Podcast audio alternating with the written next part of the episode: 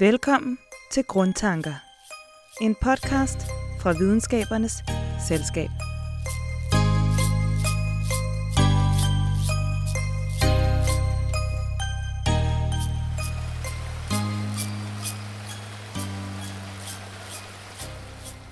Isen, den smelter på jordens poler. Dyrene, de uddør hurtigere end nogensinde før, og forureningen, den tager til. Det ved vi jo godt. Men det kunne have været langt værre, hvis ikke forskere og tænkere gennem tiden havde gjort sig idéer om, hvordan vi får en balance mellem økonomi og vækst på den ene side, og klima og miljø på den anden side. Altså hvordan vi skaber en grøn økonomi. En af de forskere har vi med i denne her episode af Grundtanker, nemlig Peter Birk Sørensen, der er økonom og tidligere overvismand og tidligere formand for Klimarådet, og i øvrigt også professor på Københavns Universitet, og i øjeblikket i gang med et virkelig spændende projekt om at lave en køreplan for, hvordan vi så laver den her grønne økonomi. Tak fordi du var med, Peter. Selv tak. I denne her udsendelse, der skal vi høre om en mavesur præst fra fortiden, som allerede i 1700-tallet blev vred over den store befolkningstilvækst. Vi skal høre, hvem der opfandt ideen om, at det faktisk skal være forureneren, der betaler for, øh, for forureningen. Og øh, så skal vi også høre om den allerførste computersimulerede fremskrivning af konsekvenserne af, hvis vi bliver ved med at køre det forbrug, som vi gør i dag. Jeg hedder Christoffer Frøkær, og det her det er Grundtanker, en podcast-serie fra Videnskabernes Selskab om, hvordan grundforskning og gode idéer gennem tiden har skabt den verden, som vi lever i i dag. Lad os lige starte med at prøve at lytte en gang.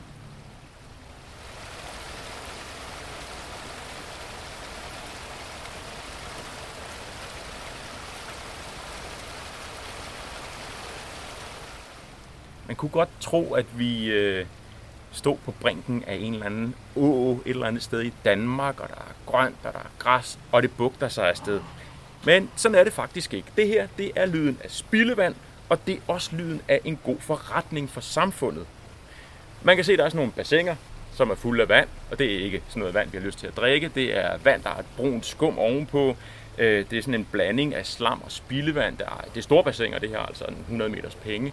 Øhm, der foregår en hel masse ting og sager, og det man lægger mest mærke til, det er rent faktisk lugten. Fordi det lugter ligesom, hvis man renser sit øh, afløb ud i badeværelset, hvad man jo gør nogle gange. Den her, den her, den her lugt er noget, som, som egentlig ikke er særlig behageligt. Vi står på Danmarks største rensningsanlæg, Biofors afdeling på Linetten i København. Og inden vi vender os mod den grønne økonomi, så vil jeg gerne spørge dig, Jens Kær Christensen, du er informationsmedarbejder her på, øh, på Biofors. Øh, øh, her på stedet, og det som vi står og kigger på nu, det er jo spildevand, der bliver renset. Øh, sådan så det ikke skader vandmiljøet, kan man sige, når det så bliver lukket ud i Øresund herude, herude bag ved os. Øh, og I skaber jo faktisk et produkt, som I kan sælge for penge ud af det her. Hvordan hænger det sammen? Ja, nu er vi jo et offentligt ejet selskab, ejet af 15 kommuner. Og, og vi må jo ikke tjene penge som sådan, så det skal hænge sammen, regnskabet plus minus i nul, ikke? i princippet. Men sandt er det, at vi i dag jo fokuserer meget på at producere energi. Og det er sådan, at vi producerer mere energi, end vi faktisk forbruger i selve renseprocesserne. Ikke? Altså der er et positivt, positivt udkomme, kan positivt du sige, udkomme. Positivt udkomme. Og det er jo selvfølgelig en af tingene, det er biogasproduktion. Og det vil sige, det er bakteriel nedbrydning af det organiske materiale, som øh, er i spildevandet. Og denne her biogas fra Lynetten, der går meget af biogassen, den går ind i bygassystemet, vi har i Københavns Kommune. Og så udgør det efterhånden, jeg tror, 30-40 procent af den bygas, som er i byen her. Ikke?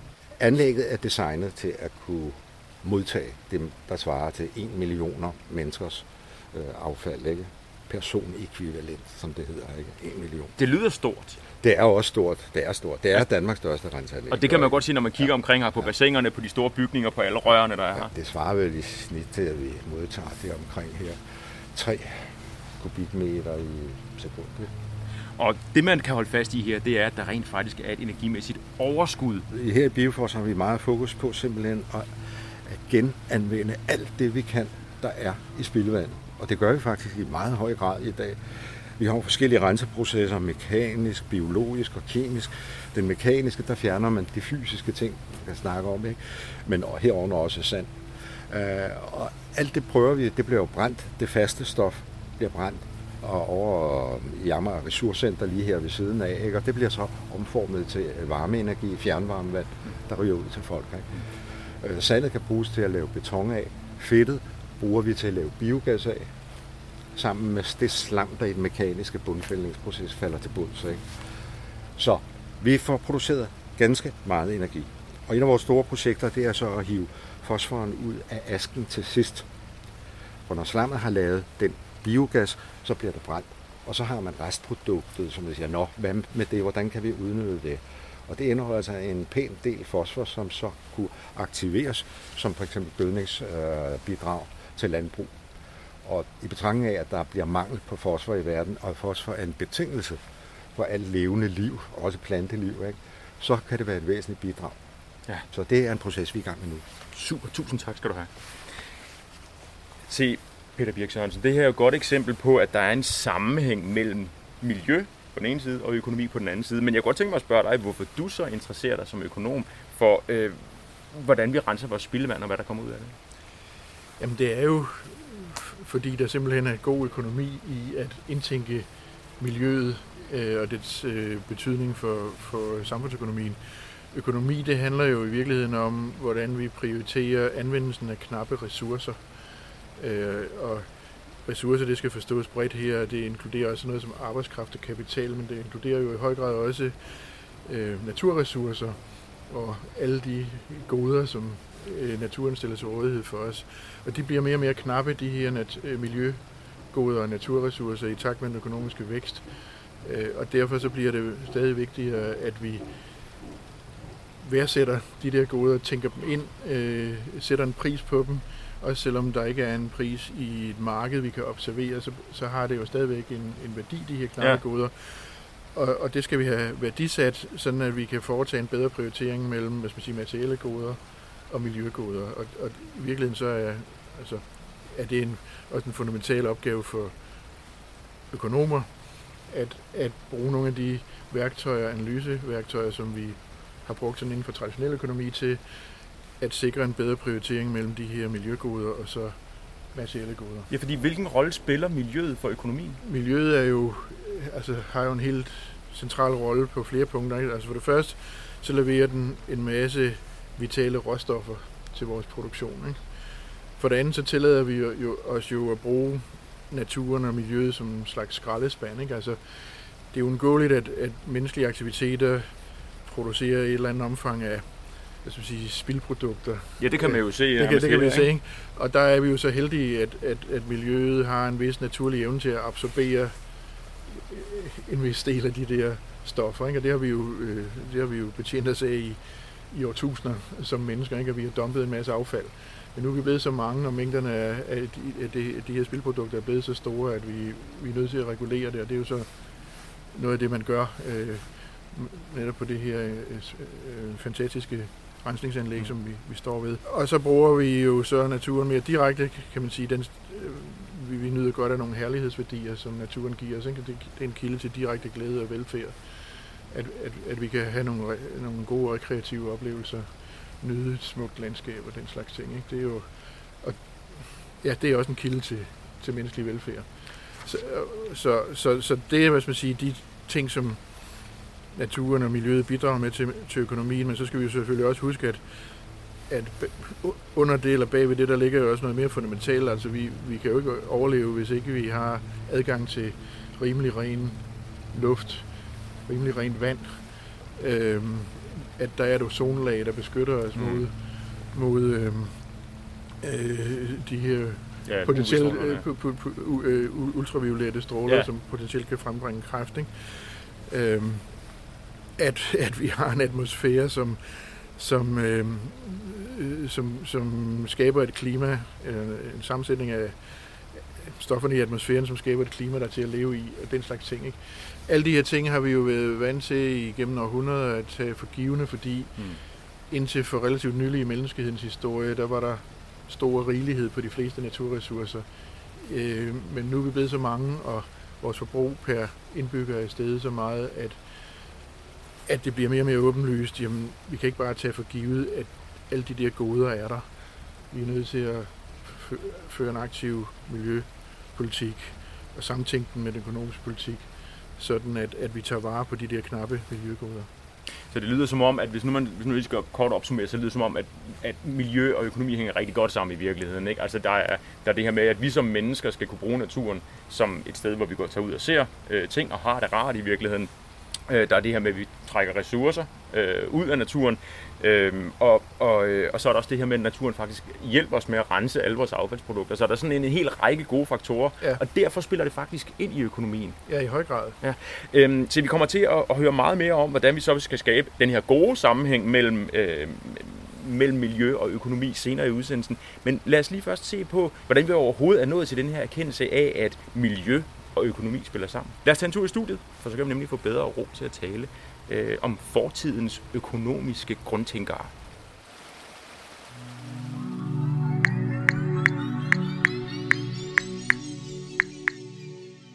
Så er vi kommet ind i studiet, og den første af fortidens grundtænkere, som vi skal tale om her i studiet, han var præst, og han blev i sin øh, samtid stemplet som en mavesur gnavpot, og det er der jo sådan set ikke nogen, der bryder sig om at blive, men han blev det, fordi øh, han, han lavede et, øh, et essay, øh, han hed Thomas Robert Malthus, Øhm, og han, han skrev et essay helt tilbage i 1798, øh, som hed Essay on the Principle of Population, altså noget med befolkning. Og på den måde så støber han så det, der bliver kaldt den dystre videnskab. Peter, hvad er det, han gør med det her essay? Jamen, han argumenterer for, at øh, befolkningen har en iboende tendens til at vokse meget hurtigere, end vi kan øge fødevareproduktionen. Øh, han, han havde det her eksempel med, at han mente, at fødevareproduktionen kan vi få til at vokse lineært, altså for eksempel som en talrække med 2, 4, 6, 8, 10, 12 så videre. Ikke? Hvorimod befolkningen den har en tendens til at vokse eksponentielt, altså for eksempel 2, 4, 8, 16, 32 og så videre. Så kan vi se, at så vil befolkningsvæksten hurtigt overhale væksten i fødevareproduktionen. Mm.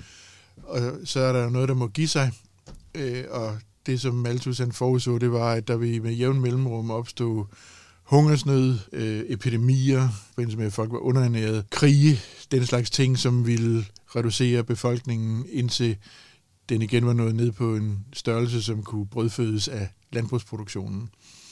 Det er klart, det var et meget dystert øh, budskab, øh, og øh, fordi det betød jo, at efter Malthus' opfattelse, så var det store flertal af befolkningen dømt til at leve i evig fattigdom. Det kunne godt være, at der var perioder, for eksempel efter en epidemi, hvor mange var døde, at der kunne levestandarden stige mm. i en periode, men så ville folk bare få mange flere børn, og så ville der igen på et tidspunkt opstå fødevaremangel, altså vi folk blive presset tilbage i fattigdom, ikke?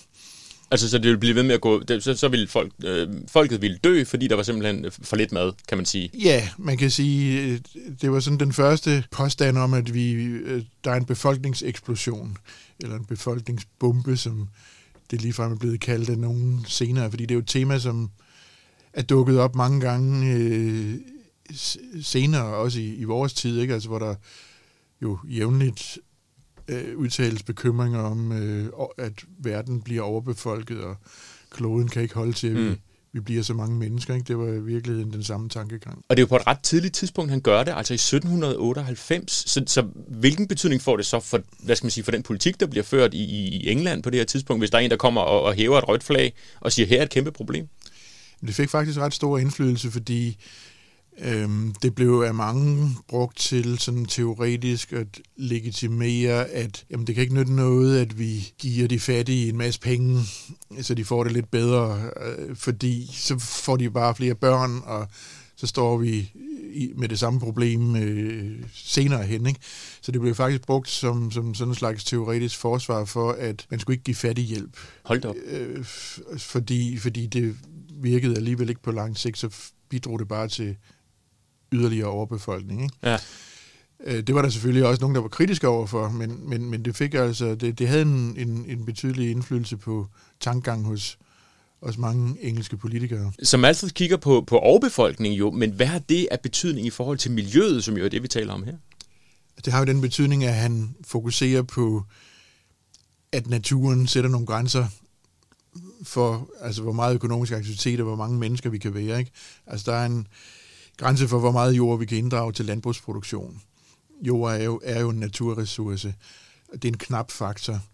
Så, så naturen sætter nogle grænser for, den økonomiske aktivitet. Og, og i den forstand, så, så fokuserer han på miljøets betydning, eller i hvert fald på betydning af den vigtige naturressource, der hedder jord hvis vi hopper lidt videre sådan tidsmæssigt, så viser det sig jo, at det kan godt være, at det har en betydning for den, for den britiske politik, hvordan den bliver ført, men hans forudsigelser bliver jo så i hvert fald ikke til, til sandhed, og det vil jo så også sige, at der kommer nogle andre tænkere på banen, blandt andet øhm, ham, der hedder Stuart Mill, hvis nu vi går frem til, til 1848, altså en 50-60 år længere ud, øh, frem fra, øh, fra Malthus, og han begynder at kigge på det her med, hvordan staten og miljøet skal interagere. Hvad er det, han, hvad er det, han siger? Ja, han er jo virkelig en øh, meget bemærkelsesværdig, fordi han er den første fremtrædende økonom, der gør opmærksom på, at industrialiseringen i, i England havde betydelige miljøomkostninger. Den førte til, øh, at både man udvidede landbrugsproduktionen for at kunne brødføde en stigende befolkning, øh, det var også et tema, Malthus havde, ikke? Men, men også, at man inddrog øh, arealer til industriproduktion, og det betød, at der blev færre områder med, med uberørt natur, og, og han var sådan den første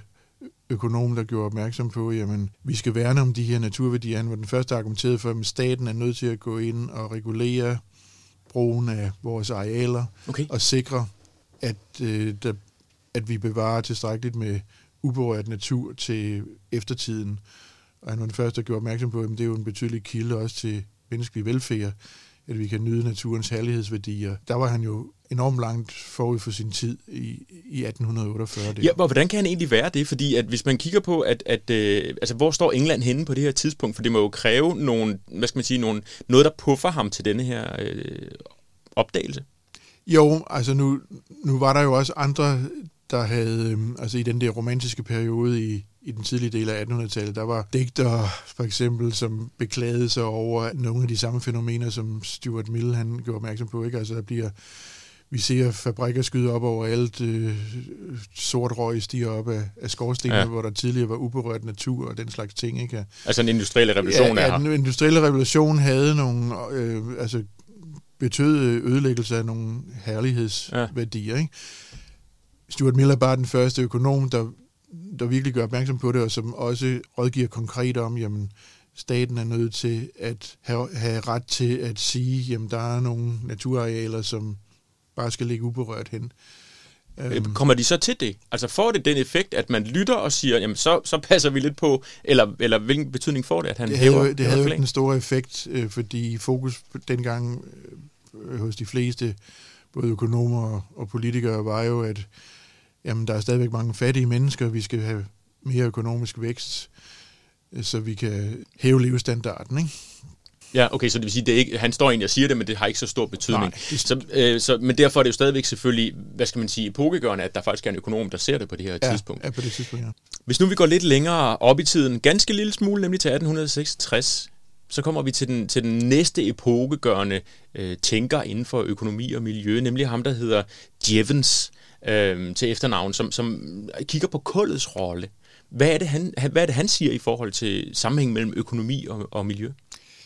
Ja, hvis vi sammenligner med Malthus, så Malthus han så jo ligesom landbrugsproduktion, eller den begrænsede mængde af landbrugsjord, som, som den begrænsende faktor for den økonomiske vækst. Øh, Jevons han fokuserer i stedet for på, på kul. Han øh, gør opmærksom på, at, at udvinding af kul og brug af kul som energikilde jo har spillet en afgørende rolle for industrialiseringen i England. Og det, at England havde så mange kulforekomster, og at mange af dem var let tilgængelige, det gav, det gav dem en, en international konkurrencefordel og var hovedårsagen til i virkeligheden, at England var den økonomisk førende øh, nation på, på det tidspunkt, mm. og dermed også altså politisk dominerende. Ikke? Så Jevons bekymring var, at jamen, det her kul, det slipper jo op en dag, fordi det er en udtømmelig, udtømmelig ressource, og den dag, hvor det slipper op, eller hvor det bliver meget dyrt at udvinde de tilbageværende reserver, jamen der forsvinder så Englands konkurrencefordel, og, og dermed vil England også miste status og magt og, i, i, i verden. Ikke? Jo, og det giver vel også god mening, kan man sige, bortset fra, at man jo sådan stort set lige siden har sagt, at ligesådan med olie, jamen olien forsvinder, altså ja. masser af gange har man forudsagt, nu kommer det til at forsvinde, den, de, de ressourcer, vi skal bruge til at lave energi af. Det er jo så ikke det, der rent faktisk er tilfældet her i 1866, hvor han, hvor han siger det, det der sker. Nej, altså Englands kulproduktion toppede først i 1913, men, men den toppede dog. Øhm, Og, øhm, men, men det Jevons gjorde, det, var, det, der også gør ham interessant, det var, at, at han spekulerede sig på, jamen, hvilke alternative energikilder kunne man så forestille sig. Og han spekulerede faktisk på, om, om, om det måske en dag blev teknisk muligt at udnytte solenergien. For hvis, hvis vi nåede til det punkt, så, så havde vi en nærmest udtømmelig energikilde. Men ja. det interessante er, at han gjorde sig nogle tanker om forskellige vedvarende energikilder, som ja. vi i dag øh, sat så meget på, altså også omtalt også vindenergi, men altså især solenergi. Meget visionært, var? Øh, det, var, det, var, det var ret interessant. Ja, og han har jo også et, et paradoks opkaldt efter sig. Ja, det har han så også, fordi han var den første, der gjorde opmærksom på, at energieffektivisering, som vi kalder det, altså hvis, hvis, det, hvis, øh, hvis vi bliver mere effektive i vores udnyttelse af energi, jamen så betyder det jo, så, så bliver den billigere. Så bruger vi bare mere af den. Så energieffektivisering øh, er ikke nødvendigvis et, øh, en sikker vej til, at vi kan holde den økonomiske vækst kørende i, i, i længere tid, fordi det bidrager bare til at gøre energien billigere, og så bruger vi mere. Og, og så bruger vi mere. Ikke? Ja og det, det, er en, det er faktisk en effekt, man, man har set på, på, på op, faktisk observeret på, på flere områder. Ikke? Så. Nu tager vi så et hurtigt skridt. Vi skal jo nå igennem øh, nogle stykker af de her grundtænkere, så vi, vi, vi når ikke at gå super i dybden med dem alle sammen, men de har jo stor betydning. Og den næste, der har stor betydning, øh, det, det er ham, man kan sige, der nærmest er grundlægger af, af det, vi kalder velfærdsøkonomien. Han hedder Cecil Pigou, og han er også brite, og der skal vi op til omkring 1920, hvor han, hvor han eller faktisk i 1920, jamen der kommer han med en bog, som hedder The Economics of Welfare. Øh, hvad er det for nogle tanker, han gør sig? Fordi nu begynder det jo at ligne nutiden, kan man sige, lidt mere, end, end måske i 1798 som altid.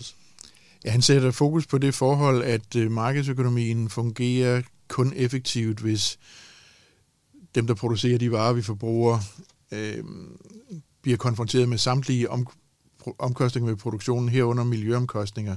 Så han var sådan set øh, den første til virkelig at sætte fokus på, på det her forhold, vi kalder eksterne effekter, altså at mange af de varer, vi producerer, de giver anledning til nogle miljøeffekter i form af udledning af forurenende stoffer, som øh, påfører nogle andre nogle omkostninger, som de virksomheder, der producerer varerne, ikke selv bærer. Ikke? Mm. Og, det, og dermed så får vi en overproduktion af miljøbelastende varer. Og øh, det kan man så imødegå ifølge Pigu ved, at man lægger en miljøafgift på øh, de her forurenende aktiviteter.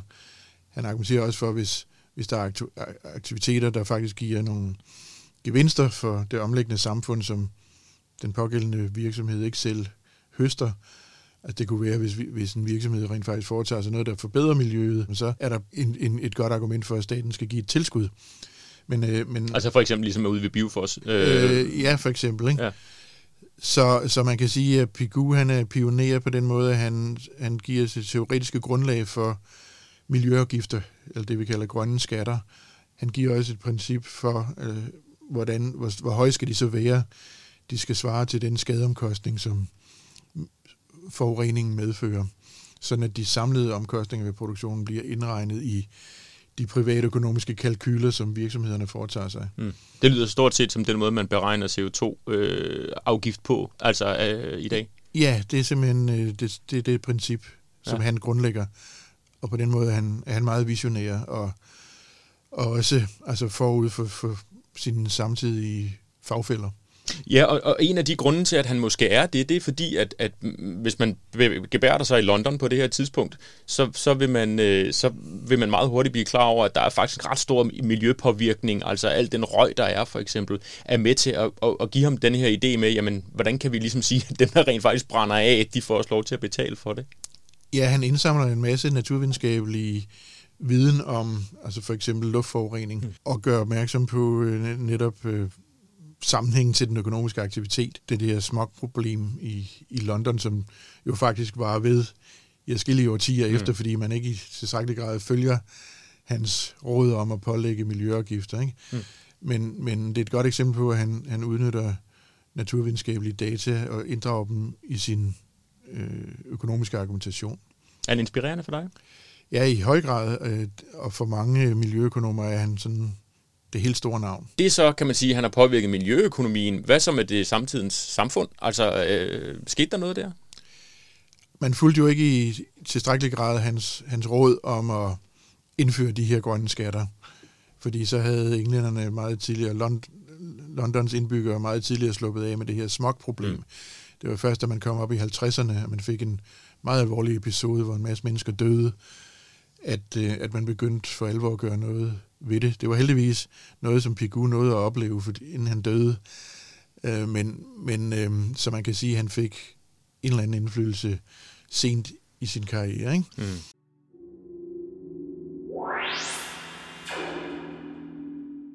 Kulden havde i begyndelsen af december 1952 i flere uger haft et greb om den britiske hovedstad London, og de kulfyrede ovne gjorde det nogenlunde uudholdeligt i de små hjem.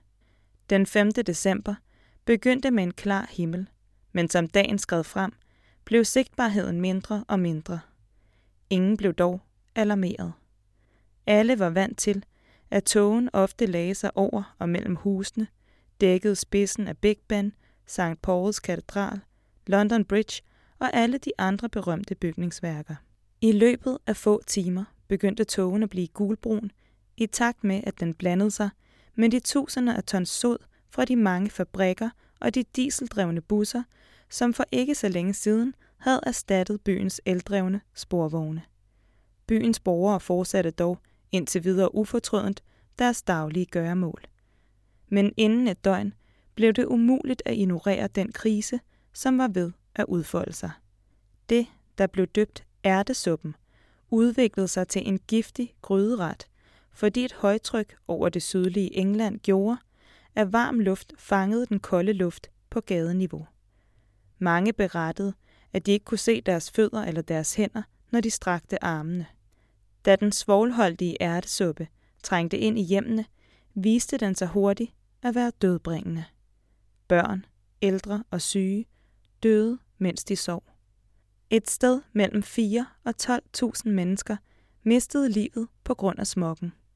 Men der gik tre år, før katastrofen fik politiske konsekvenser. I 1956 vedtog parlamentet loven The Clean Air Act, som lagde begrænsninger på afbrændingen af kul og gav tilskud til husejere, der gik over til andre varmekilder end kulfyrede ovne. Og dermed så er vi nået op til 50'erne, og der stopper vi lige for nu, fordi nu skal vi tilbage ud i virkeligheden. Øh, der, vi har flere tænkere øh, af de her i posen, vi skal jo helt op til nutiden, men øh, nu skal vi først lige ud i den nutidige virkelighed og, øh, og til et eksempel på, hvordan øget miljøbevidsthed kan føre fuldstændig konkrete og store ændringer med sig i vores samfund.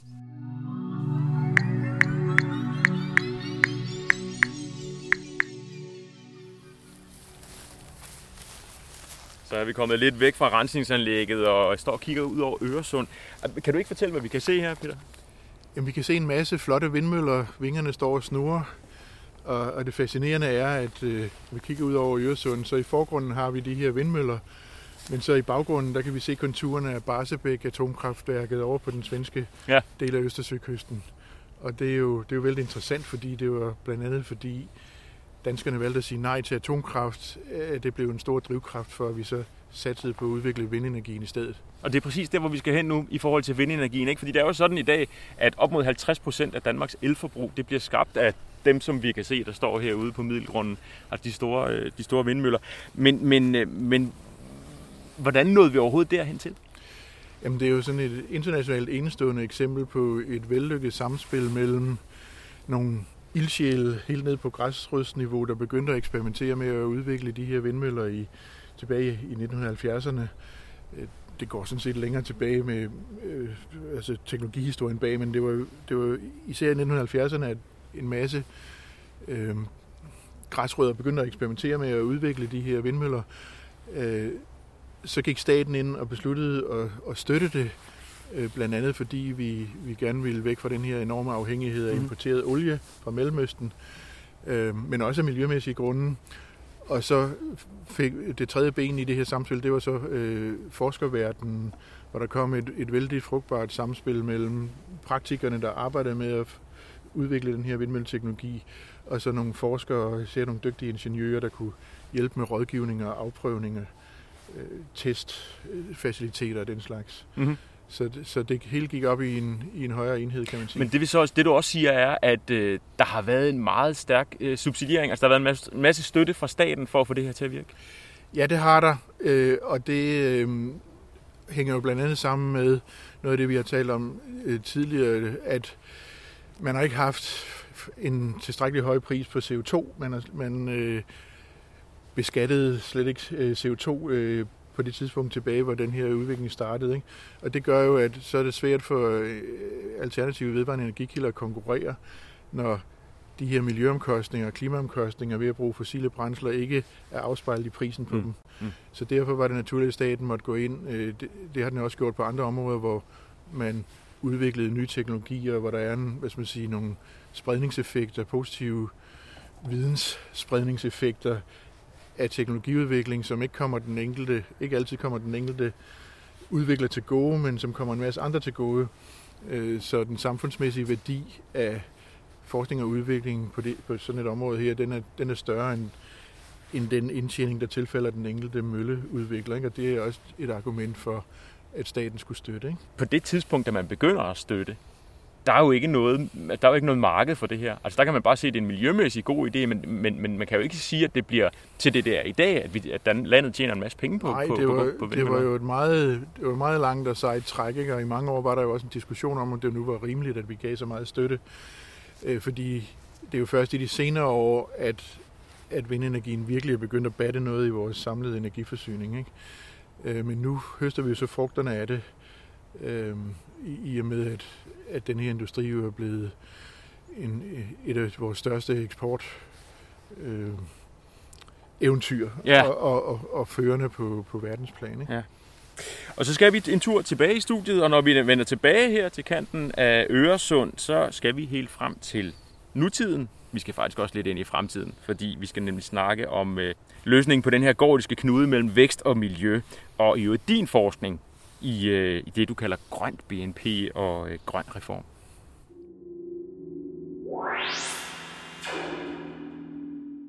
Startskuddet til det såkaldte danske vindmølleeventyr begyndte allerede i 1891, da den danske opfinder Paul Lacour ansøgte den danske regering om penge til at forske i vindkraft. Han var nemlig overbevist om, at bedre adgang til elektricitet ville få folk til at flytte fra byerne, som bød på dårlige boliger og besværlige forhold for produktion, og ud på landet. Men der var to problemer. Vinden blæste ujævnt, og den blæste ikke hele tiden. Med pengene kom han op med løsninger på begge dele. Fra starten udviklede han kratostaten, en kraftjævner, som kunne udjævne vindens ujævne kraft. Og han udviklede et akkumulatorsystem, der baserede sig på udvinding og opsamling af brint og ilt. I år 1900 udgav han resultaterne og sine principper for design af vindmøller i publikationen Forsøgsmøllen.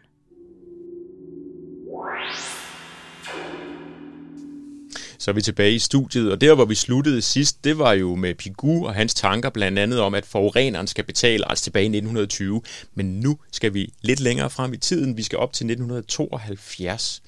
Øh, der udkommer øh, det, der hedder Romklubben, nemlig med en, øh, en rapport, øh, som har titlen Grænser for vækst. Og de mennesker, der står bag ved den, de er sådan set ikke økonomer, de er naturvidenskabsfolk, men alligevel så får de jo en økonomisk eller en betydning for de økonomiske tænkere. Men lad os lige starte med, hvad det er, de beskriver i den her rapport, fordi det er jo ikke munter læsning, kan vi godt sige. Det er det bestemt ikke. De laver forskellige scenarier for den fremtidige udvikling, hvor de fremskriver tendenserne i, i produktion og forbrug og de derfølgende miljøeffekter. Ikke? Og de, øh, de forudså, at øh, på et eller andet tidspunkt i det 21. århundrede, altså det vil være nu, ja. øh, der ville den økonomiske vækst gå i stå øh, på grund af en kombination af råstofmangel, fødevaremangel og forureninger. Det var lidt forskelligt i forskellige scenarier, hvad der var den afgørende faktor, men pointen var, at naturen sætter nogle grænser for vækst. Ja. Øhm, og, øhm, og det var et budskab, der havde meget stor gennemslagskraft, også fordi det kom på et tidspunkt, hvor der var stigende bevidsthed i den vestlige verden om miljøproblemerne, fordi vi havde været igennem i en periode i 1960'erne med brølende økonomisk vækst, og, og, og forureningen var på, på mange områder steget markant. Ikke? Mm. Så der var en lydhørhed for det budskab. Men, men det, det, de så beskriver øh, rent naturvidenskabeligt, at der vil blive et problem, og man kan så øh, lade mærke til, at du havde også lidt smil i mundvin, da du sagde, i, i løbet af det 21. århundrede vil, vil, vil, vil væksten stoppe, og alting vil gå galt stort set. For det er jo der, hvor vi står nu, kan man sige, og det er jo ikke sådan, at deres forudsigelser er blevet til sandhed øh, endnu, kan man så sige. Men det, at de siger det på det her tidspunkt, afføder jo en hel masse tanker fra øh, flere økonomer. Ja, det, det tvang jo, altså den her internationale debat, der blussede op, øh, som følger deres bog, øh, det tvang jo mange økonomer til at genbesøge det her spørgsmål, jamen altså, sætter naturen grænser for vækst, og i givet fald, hvad er det så for nogle grænser? Øh, I løbet af det 20. århundrede, der, der var økonomer sådan generelt blevet mere vækstoptimistiske. Nogle af de tænkere, vi har talt om tidligere, altså ikke mindst Malthus, men også Jevons, er jo eksempler på, og for så vidt også Stuart Mill er jo eksempler på økonomer, der sådan set er, er meget bevidste om, at der, er nogle natur, der kan være nogle naturgivende grænser for menneskelig økonomisk aktivitet. Mm. Ikke? Øh, men øh, det gled ligesom i baggrunden for økonomerne i store dele af det 20. århundrede, fordi vi oplevede de her kraftige teknologiske fremskridt og en stigning i levestandarden, og øh, det så ikke umiddelbart ud, som om der var mangel på nogle vigtige råstoffer og sådan noget. Ikke? Øhm, så kommer Romklubben og siger, at der er grænser for vækst. Så det får så en række økonomer på banen til at sige, jamen, øh, til at interessere sig mere for specielt det, vi kalder ressourceøkonomi. Altså, hvordan kan vi optimalt forvalte de udtømmelige naturressourcer, vi har, og hvad sker der, hvis der bliver stigende mangel på visse, øh, stigende knaphed på visse råstoffer, mm. så var det økonomerne peget på, jamen, så vil de stige i pris, og så vil det give en tilskyndelse til, at man sparer på dem, eller skifter over til noget andet, eller opfinder et substitut.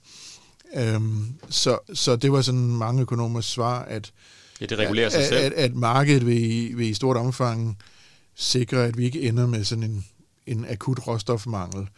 Men, øhm, men man kan sige, det førte så altså også til, til at vi fik en, en udvikling inden for den del af miljøøkonomien, som hedder ressourceøkonomi, hvor, hvor man udviklede en, en, en række principper for, jamen, hvordan kan vi så forvalte de her knappe ressourcer, fordi der er jo en erkendelse af, at der er jo nogle ressourcer, der er udtømmelige, så vi skal jo lære at håndtere en stigende knaphed på dem. Det kan vi måske det kan, kan vi komme tilbage til, når vi skal snakke om ham John Hardwick. Ja, lad os lige prøve at holde fast i Hardwick en gang, fordi han er jo super central i forhold til både din forskning, som vi skal tale om lige om lidt, men også i forhold til, at der faktisk er grænser på råstoffer. Hvad er det, han gør i 70'erne?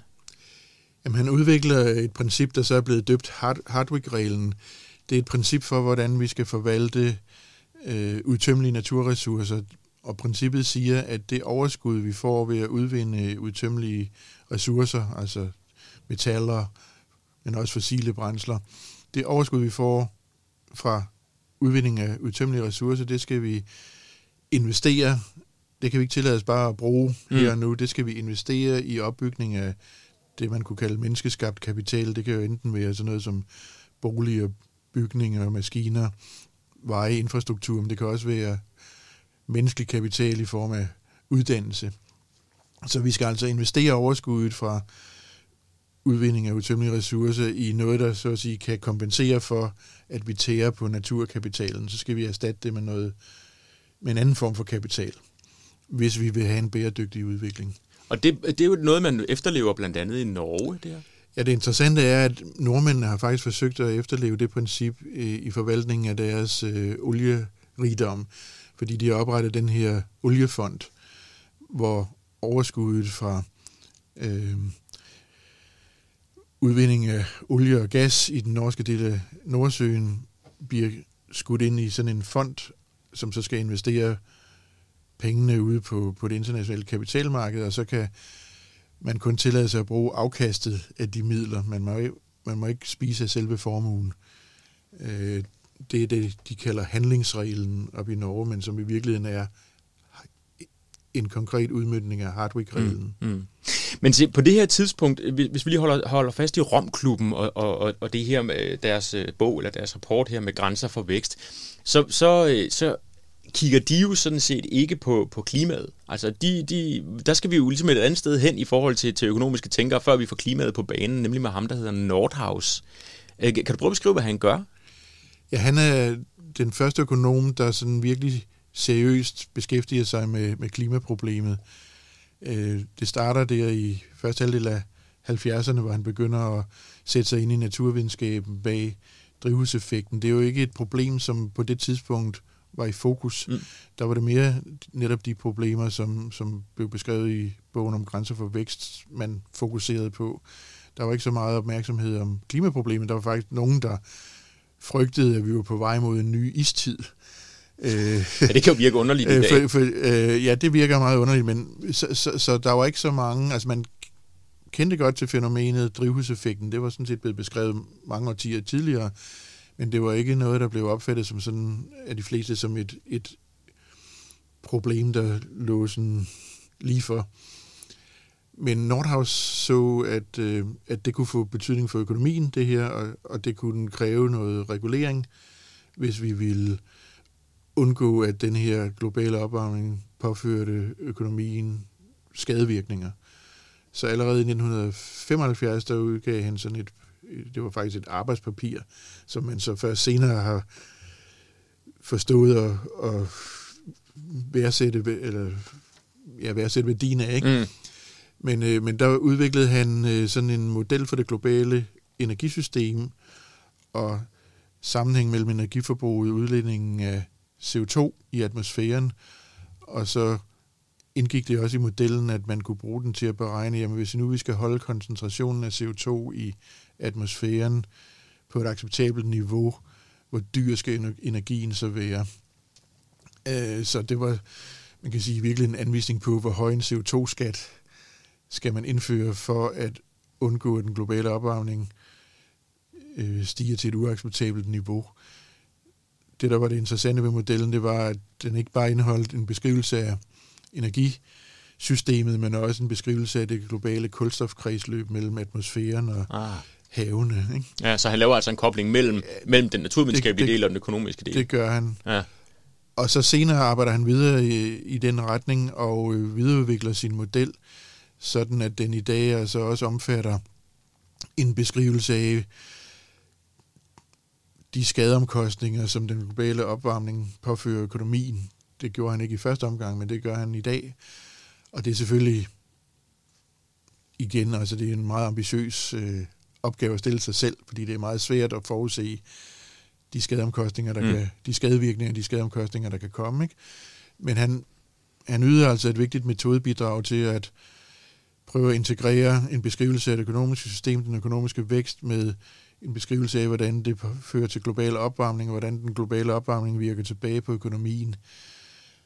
Og igen, hvordan kan vi så for eksempel via en CO2-skat begrænse CO2-udledningerne, så vi får den rette balance mellem hensyn til økonomien og hensyn til, til klimaet. Ikke? Altså det er forudseende, må man sige, men det giver ham jo så også en Nobelpris i 2018. Ja, og det har ført til, at øh, altså han var sådan set grundlægger af den disciplin, der nu kaldes klimaøkonomi, fordi der var ikke noget, der man kaldte klimaøkonomi dengang, ikke? så han var virkelig øh, tidligt ude. Ikke? Mm. Og der kunne jeg godt lige prøve at holde fast her en gang til slut inden, i studiet, inden vi hopper ud til, til vores vindmøller igen, fordi øh, nu har vi jo hørt om, om en hel række tænkere. Øh, man kan jo ikke lade være med andet end at tænke, jamen, jamen din forskning, som vi skal høre om lige om lidt, Øh, hvor havde den været henne? Altså, hvor havde, vi, hvor havde vi været henne, hvis ikke der havde været de her undervejs, som ligesom havde, havde, du ved, havde sluppet trommen trummen for, at der var nogle problemer?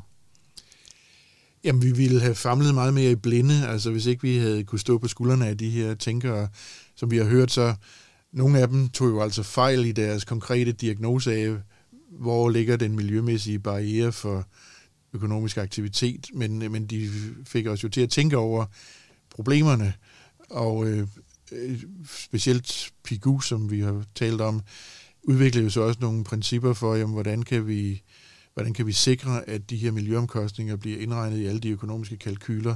Og det er jo et, det er jo et meget vigtigt princip. Uh, vi skal selvfølgelig også huske, at at disse her miljøøkonomer, de, de trækker også i stort omfang på naturvidenskabelig indsigt. Det gælder som sagt Pigou, men, men også Nordhaus og flere af de andre. Så, så det er jo selvfølgelig et samspil mellem forskellige mm. videnskabsgrene. Men miljøøkonomerne, de har, de har givet os nogle redskaber til at øh, sætte pris på øh, naturens øh, og miljøets øh, bidrag til økonomien, og til at, at prioritere mellem materielle goder og miljøgoder og sikre, at vi også husker at indregne værdien af miljøet i, i vores økonomisk, øh, økonomiske planlægning. Så din forskning står også på skuldrene, den kan man roligt sige. Så lad os komme ud i virkeligheden og høre, hvordan det hænger sammen.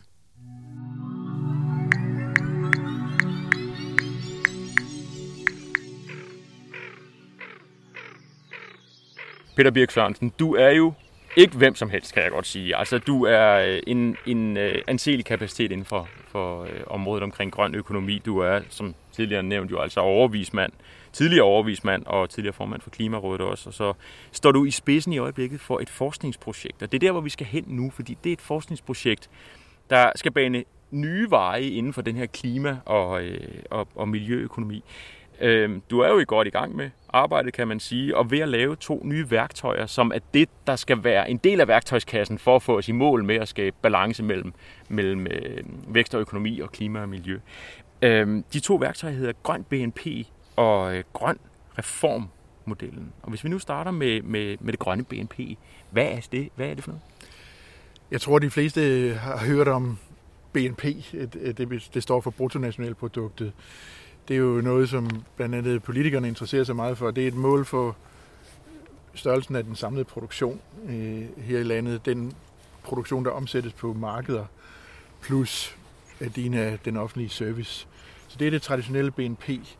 Og, og, og det har interesse blandt andet, fordi øh, det er jo fra produktionen, at vi får vores job, øh, og det er fra produktionen, vi får vores indkomst. Så derfor så er det selvfølgelig relevant at at, at, at se på, hvordan det her BNP udvikler sig. Men øh, problemet er, at eller et af problemerne med, med, med BNP-målet, øh, det er, at øh, det inddrager ikke miljøeffekterne af den økonomiske aktivitet, miljø- og klimaeffekterne. Øh, og det er netop det, der er formålet med det her projekt, der hedder Grønt BNP. Mm. Det er at få indregnet en række miljø- og klimaeffekter i den samlede, det samlede regnestykke, så vi kan se, om væksten i BNP, det vi normalt kalder økonomisk vækst, er den sket på bekostning af miljøet? Altså har der været nogle miljø- og klimaomkostninger ved de økonomiske aktiviteter, vi har foretaget, som, som er alvorlige og som vi egentlig burde trækkes fra, før vi kommer til, hvad skal man sige, det nettoresultatet. Ikke? det grønne BNP kan også være med til at fortælle os, om vi faktisk øh, har haft en højere vækst end væksten i det traditionelle BNP, fordi vi har investeret i nogle miljøforbedringer. Så begge dele kommer med. Altså det vi gør, det er, at vi øh, udvider øh, forbrugsbegrebet, sådan at vi for eksempel indregner værdien af øh, rekreative hmm. ydelser. Altså den øh, de herlighedsværdier, kan man sige, som naturen leverer os, altså som vi nyder godt af, når vi besøger naturparker, eller Ja, eller kigger ud eller, eller, eller, eller, eller færdes, færdes, bare færdes i, i, i smukke omgivelser. Ja. Øhm, vi trækker så på den anden side omkostningerne ved luftforurening og vandmiljøforurening fra. Øhm, altså som samfundet har, så, så, bare ved at vi er til stede, og vores industri findes og så Ja, videre. altså vi udleder jo hvert år øh, forskellige forurenende stoffer til både luften og, og til, til vandet. Ikke? Det har nogle miljøomkostninger. Dem forsøger vi at, at, at værdisætte, og det bliver så et fradrag i, i vores BNP. Hvis vi udtømmer nogle naturressourcer, øh, så er det jo også, så tærer vi i virkeligheden på det, vi kalder naturkapital. Det skal så trækkes fra i vores samlede investeringer, for at få et bedre billede af, hvor meget har vi så netto egentlig opbygget af formue via vores investeringer. Ikke? Så det er, man kan sige, øh, det grønne BNP, det er et miljøkorrigeret BNP, som fortæller os, om den økonomiske vækst er sket på bekostning af miljøet, eller fortæller os, om vi så at sige har glemt at indregne den gunstige effekt af nogle investeringer, vi har foretaget i bedre miljø. Altså, det er sindssygt interessant, det du siger, fordi det, jeg tænker på, det er, at det er et kæmpe puslespil, det her. Altså, hvis man ser på alle de delelementer, øh, hvor miljøet spiller ind, eller hvor vi påvirker miljøet, og hvordan det spiller sammen med vores økonomi, os som borgere, vores industri, vores transport, altså alle steder i vores samfund spiller det her ind. Øh, så skal I jo gå ind og estimere på de enkelte dele, når, hvad er så den miljømæssige omkostning på, at der bliver bygget en vej, eller på, at der bliver flere biler i Danmark, eller på, at vi spiser økologisk, eller hvad det nu kan være. Øh, hvordan i alverden kan man nogensinde gøre det? Den måde, vi griber det an på, det er jo, at vi, vi ser på data for, hvor meget vi udleder af forskellige forurenende stoffer til luft, luften, for eksempel. Hvor meget vi udleder af forurenende stoffer som kvælstof og fosfor til vandmiljøet. Og så er der jo heldigvis gode data til rådighed, som, som vores naturvidenskabelige kolleger øh, arbejder hårdt med at, at forbedre hele tiden, øh, som giver os nogle indikatorer for, hvordan går det med udviklingen i vandmiljøkvaliteten, mm. for nu at tage et eksempel. Ikke? Og, øh, og så findes der forskellige studier af, hvor meget folk er villige til at betale for en bedre vandmiljøkvalitet, eller for at undgå en forringelse. Og det er, så, øh, det er miljøøkonomiske studier, som bygger på nogle ret avancerede spørgeskemateknikker. Og dem kan vi bruge til at sætte kroner og øre på, hvis der er sket en forringelse af vandmiljøet et eller andet sted i landet. Vi har detaljeret data for, hvordan det går med udviklingen i, i, i vandmiljøkvaliteten i alle de forskellige øh, vandmiljøer i Danmark. Mm.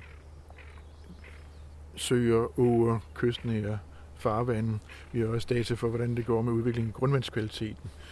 Og der kan vi så bruge de her naturvidenskabelige data og kombinere det med noget viden, vi har om, hvad, hvor meget pris folk faktisk sætter mm. på miljøet. Mm. Og så kan vi sætte kroner og øre på. Hvis vi nu snart øh, kigger på det her med, at der er utrolig mange delelementer, som skal sættes sammen i det her, så øh, vil jeg også gætte på, at der måtte være en, en vis usikkerhed forbundet med det estimat, I laver på de enkelte delelementer. Jo, der er stor usikkerhed forbundet med det. Øh, men alternativet er jo, at vi slet ikke prøver at indregne de her ja. ting. Og, og, og så er vi tilbage til det traditionelle BNP, og så er det, at vi risikerer øh, så at sige, at overse den værdi, som miljøet har for os, og de omkostninger, der er ved, at væksten i BNP måske går ud over miljøet. Ikke? Så vi, vi, vi er nødt til, selvom der er stor usikkerhed om den her værdisætning, altså, så er vi nødt til at prøve at gøre det. Ja. Og øh, på nogle områder kommer vi måske til at overvurdere en, en eller anden miljøomkostning. På andre områder kommer vi måske til at undervurdere. Så der er jo ikke andet for en... Øh, det er en lang rejse, det her. Man, man, man, må, man må arbejde med det og hele tiden prøve at inddrage flere faktorer, forbedre målmetoderne. Ikke? Men mm. vi skal jo i gang, øh, og allerede nu kan vi se, at det, altså det, ganske store værdier, vi, vi, vi taler om. Jeg ved godt, det er et rigtig træls spørgsmål, men, men, men det lyder også, som om I egentlig er ret godt i gang med det. Men hvornår tænker du, at I har et redskab, I kan kaste i spil, om det så bliver politisk, eller det bliver øh, interesseorganisationer, eller hvem der nu kommer til at sidde og regne på det? Altså, vi satser på, at vi har et bud på udviklingen i Danmarks grønne BNP til, øh, tilbage fra 1990 og op til i dag øh, med udgangen af, af næste år. Altså 2021? Altså 2021, ikke? Der, der håber vi at kunne fremlægge de, de første resultater. Hvis nu vi så hopper over i, i, øh, i den grønne reform, øh, så, så lad os lige prøve at runde den, fordi man kan sige, at det grønne BNP kigger på fortiden, du siger fra 1990, altså frem til i dag, hvor den grønne reformmodel, øh, den skal noget andet, for den skal jo kigge ind i fremtiden. Kan du prøve at skitsere, hvad det er, I vil gøre med den øh, grønne reform? Jamen, det er jo sådan en, en simulationsmodel for dansk økonomi, hvor vi har gjort, hvor vi gør særlig meget ud af at beskrive de sektorer, som er specielt vigtige for miljø og klima, og det er sådan noget som selvfølgelig energisektoren, transportsektoren, landbruget, affalds- og genanvendelsessektoren. Øh, mm. Og så modellerer vi selvfølgelig også, beskriver vi også, hvordan alle de andre sektorer i økonomien altså udleder forskellige forurenende stoffer til luft og vandmiljø. Ikke? Vi skal have en høj detaljeringsgrad i beskrivelsen af de her dele af økonomien, som er særlig vigtige for miljøet, som jeg lige nævnte. Ikke? Øhm, og øh, modellen skal jo så dels kunne beskrive, hvad der foregår i dag. Altså vi har jo nogle data for sammenhæng mellem den økonomiske aktivitet i alle mulige erhverv og brancher, og så hvad der bliver udledt til miljøet af forskellige forurenende stoffer her, og også CO2 selvfølgelig, og drivhusgasser. Så, så vi, vi øh, vælger hvis man siger, parameterværdierne i modellen, sådan at den kan beskrive det, der foregår i dag. Og det giver så grund til at tro, at når vi så indlægger et eller andet forventet fremtidigt forløb for økonomien, øhm, vi ser måske en anden udvikling, økonomisk udvikling for os frem mod 2030, så kan den her model bruges til at sige noget om, jamen, hvordan, for, hvordan kan vi så forvente, at det påvirker miljøet, og specielt så kan den bruges til at vurdere, jamen, den økonomiske udvikling, som man planlægger i politikerne og Finansministeriet, de økonomiske ministerier planlægger efter, er den forenlig med opfyldelse af de vigtigste miljø- og klimamål, vi har. Og hvis ikke det er tilfældet, hvilke, hvilke øhm, indgreb skal der så til, for at vi for eksempel når det her mål om 70 procents reduktion af drivhusgasserne i, i 2030. Så det vil sige, det er sådan en slags, hvad skal man sige, miljøøkonomi, grøn økonomi, øh, krystalkugle i virkeligheden, hvor man kan skrue på nogle parametre og se, hvordan, hvordan vil det udvikle sig i fremtiden? Ja, altså det, det, det er første gang, man får en model, øh, som i sin beskrivelse af, af økonomien, øh, altså sådan set svarer meget til den nye model for dansk økonomi, som er under udvikling i Finansministeriet, øh, men som så samtidig beskriver alle de vigtigste miljø- og klimaeffekter af den økonomiske udvikling, så det gør det meget nemmere for de økonomiske ministerier at øh, beregne, jamen altså okay, den udvikling, vi nu ser for os, er den faktisk forenlig med de miljø- og klimamål, ja. vi skal nå. Og så kan modellen selvfølgelig også beskrive, okay, de øh, tiltag, vi gør inden for energi, miljø og klimapolitik, hvordan påvirker det så de forskellige erhverv i økonomien, de forskellige brancher. Ikke? Det er jo også af interesse, så modellen kan både bruges til at vurdere miljø- og klimaeffekter af den økonomiske politik og den økonomiske udvikling. Den kan også bruges til at vurdere samfundsøkonomiske og erhvervsøkonomiske effekter af miljø- og klimapolitik. Her til sidst er der et spørgsmål, jeg har glædet mig til at stille dig. Fordi det er jo sådan, at du bevæger dig øh, inden for øh, denne her klimaverden hele tiden, hvor man jo måske godt kan gå for, få fornemmelsen af, at, at det hele er på vej ud i afløbet, øh, og det går kun ned ad bakke, hvilket måske ikke er det helt det sande billede. Men det er jo egentlig det, jeg gerne vil spørge dig om, fordi jeg tænker på, at du sidder med meget af den viden, som eksisterer på miljøområdet, men du sidder egentlig også med i din hånd nogle redskaber, som måske kan hjælpe os på vej i den rigtige retning. Så mm, på vægtskålen, er du så altså, er du optimist, eller er du måske mere pessimistisk i forhold til klodens fremtid? Altså, når man ser på den globale udvikling øh, på klimaområdet for eksempel, og også på biodiversitetsområdet, så er det nogle gange svært at bevare optimismen. Men, øh, men jeg er overbevist om, at, at det gør en forskel, at man arbejder med de her problemstillinger, at man øh, prøver at anvise, jamen, hvad kan vi så gøre for at imødegå problemerne. Det tror jeg helt bestemt gør en forskel øh, i forhold til, hvis man bare gav op. Så, så, så det holder mig i høj grad i gang. Øh, noget andet er så, at man kan være i tvivl om, kan vi nå for eksempel målet i Paris-aftalen med, om, om at holde den globale opvarmning nede på halvanden grad med den udvikling, vi ser i, i de her år. Det, det er så en anden ting. Men uanset hvad, så det, at der er nogen, der arbejder med de her problemstillinger, hele tiden gør opmærksom på dem og anviser, hvad vi kan gøre, det er jeg helt sikker på, at det gør en forskel. I trækker i den rigtige retning. Tak skal du have, Peter. Og tusind tak, fordi du ville være med. Jamen selv tak, fordi vi hører om det. Ja, og her i den dejlige natur, hvor vi står med vindmøllerne bagved. Øh, jeg ved ikke, hvordan øh, det påvirker øh, det grønne BNP bedst, når du skal tilbage med byen. Altså, er det bil eller cykel, eller jeg ved ikke? Det bedste for det grønne BNP ville jo være, hvis jeg tog cyklen. Ja. Nu har jeg desværre ikke min cykel med. Så tager vi bilen. Det bliver vi nok nødt til. Grundtanker fra Videnskabernes Selskab er produceret af Science Report. Til rettelæggelse, optagelse og redigering Jens Munk.